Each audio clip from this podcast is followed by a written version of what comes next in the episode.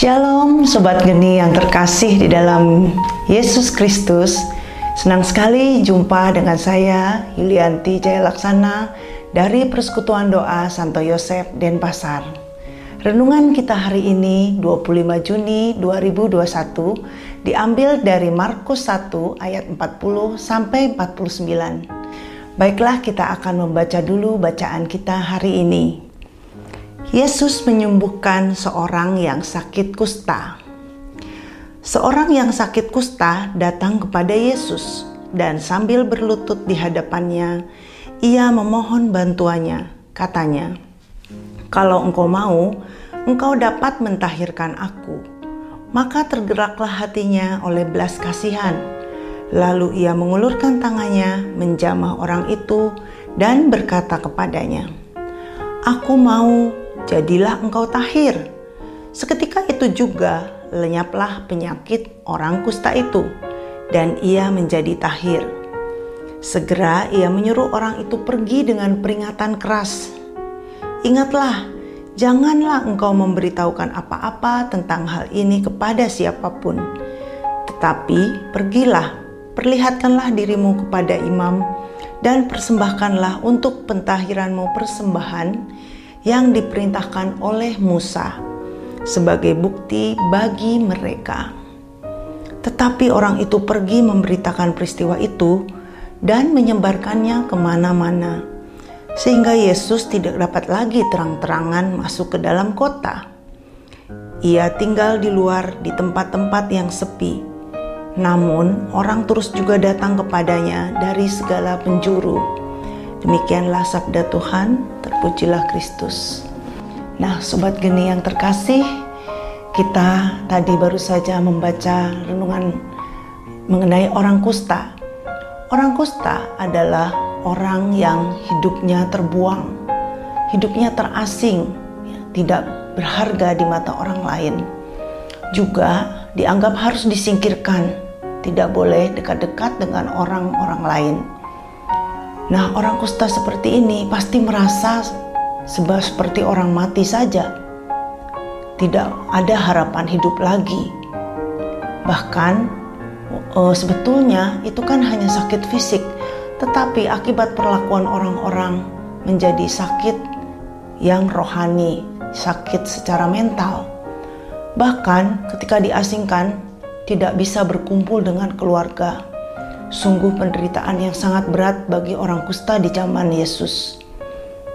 Nah, kita bisa lihat tadi bahwa orang kusta ini mau datang dan mencari kesembuhan kepada Yesus. Dia pasti mendengar karya Yesus di tempat-tempat lain. Nah, kita bisa lihat bahwa orang kusta ini datang berarti ia punya iman dan harapan. Ia punya rasa percaya bahwa Yesus akan menyembuhkan dia dia juga menggantungkan harapan yang begitu besar, ingin mengakhiri penderitaannya. Nah, Yesus tergerak hatinya. Yesus tahu apa isi hati orang kusta ini dan tergerak oleh belas kasihan sehingga seketika itu juga orang ini sembuh. Nah, bahkan setelah sembuh, ia tidak tahan lagi untuk memberitakan apa yang dia alami kepada banyak orang, padahal Yesus melarangnya. Nah, sobat geni yang terkasih, uh, sakit yang disembuhkan seketika pasti bukan sakit biasa. Maksudnya bukan dokter yang biasa seperti kita sekarang ini. Pasti sakit memerlukan proses. Oleh sebab itu, ini adalah kuasa Tuhan, berasal dari Tuhan sendiri.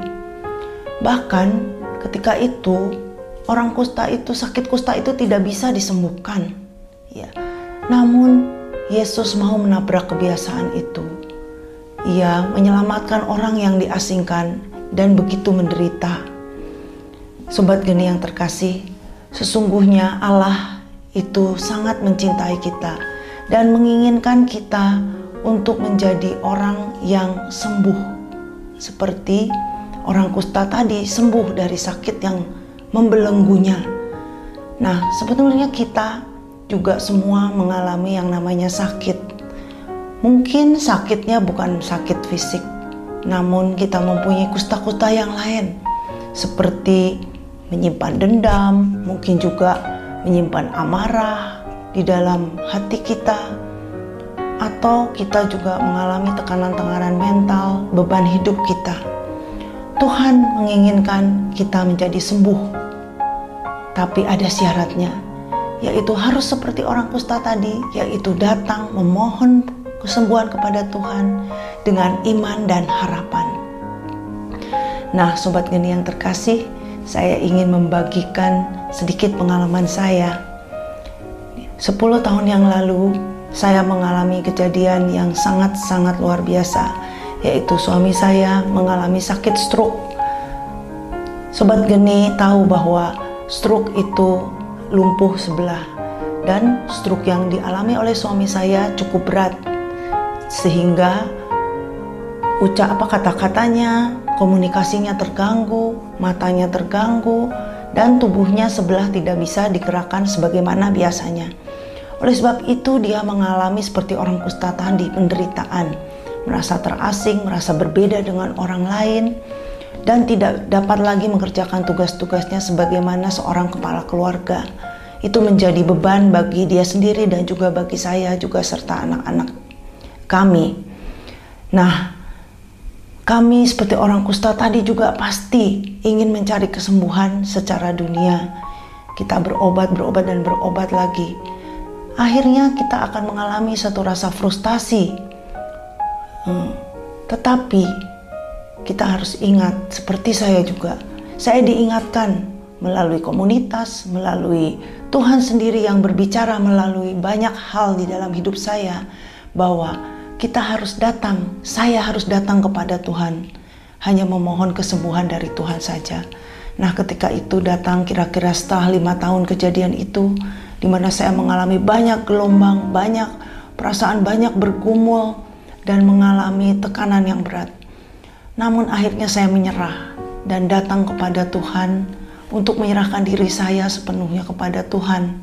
Menyerahkan bagaimana ini akan berakhir, apakah bisa sembuh secara fisik atau tidak. Saya tidak tahu, saya mengikuti kehendak Tuhan. Nah, sobat geni yang terkasih, apa yang terjadi? Sama seperti orang kusta tadi, Tuhan ternyata menyembuhkan, menyembuhkan saya dan suami saya, seperti kami sekeluarga. Kami akhirnya bisa menerima apa yang sudah kami alami ini. Suami saya juga bisa menerimanya dan mulai bisa beraktivitas uh, apa yang dia bisa. Dia bisa mulai memasak, mencuci piring, bisa banyak hal bisa dia lakukan. Demikian juga saya saya tidak terikat lagi uh, menuntut bahkan kadang-kadang dulunya meminta Tuhan untuk sembuh secara fisik namun ternyata Tuhan memberi kesembuhan yang lain memberikan damai dan sejahtera buat saya yaitu kesembuhan secara rohani di mana saya bisa juga bahkan menyerahkan hidup saya untuk berkarya di ladang Tuhan seperti yang Sobat Geni saksikan pada saat ini. Nah, Sobat Geni yang terkasih, Bila kita mau membuka hati kita, bila kita mau menyerahkan hidup kita kepada Tuhan, bila kita mau seperti orang kusta datang dengan penuh iman dan harapan hanya kepada Tuhan saja, maka mujizat pasti akan terjadi. Seketika juga bahwa kita akan mengalami kesembuhan yang hanya berasal dari Tuhan Yesus Tuhan kita. Terima kasih Sobat Geni. Salam damai sejahtera. Tuhan memberkati. Amin.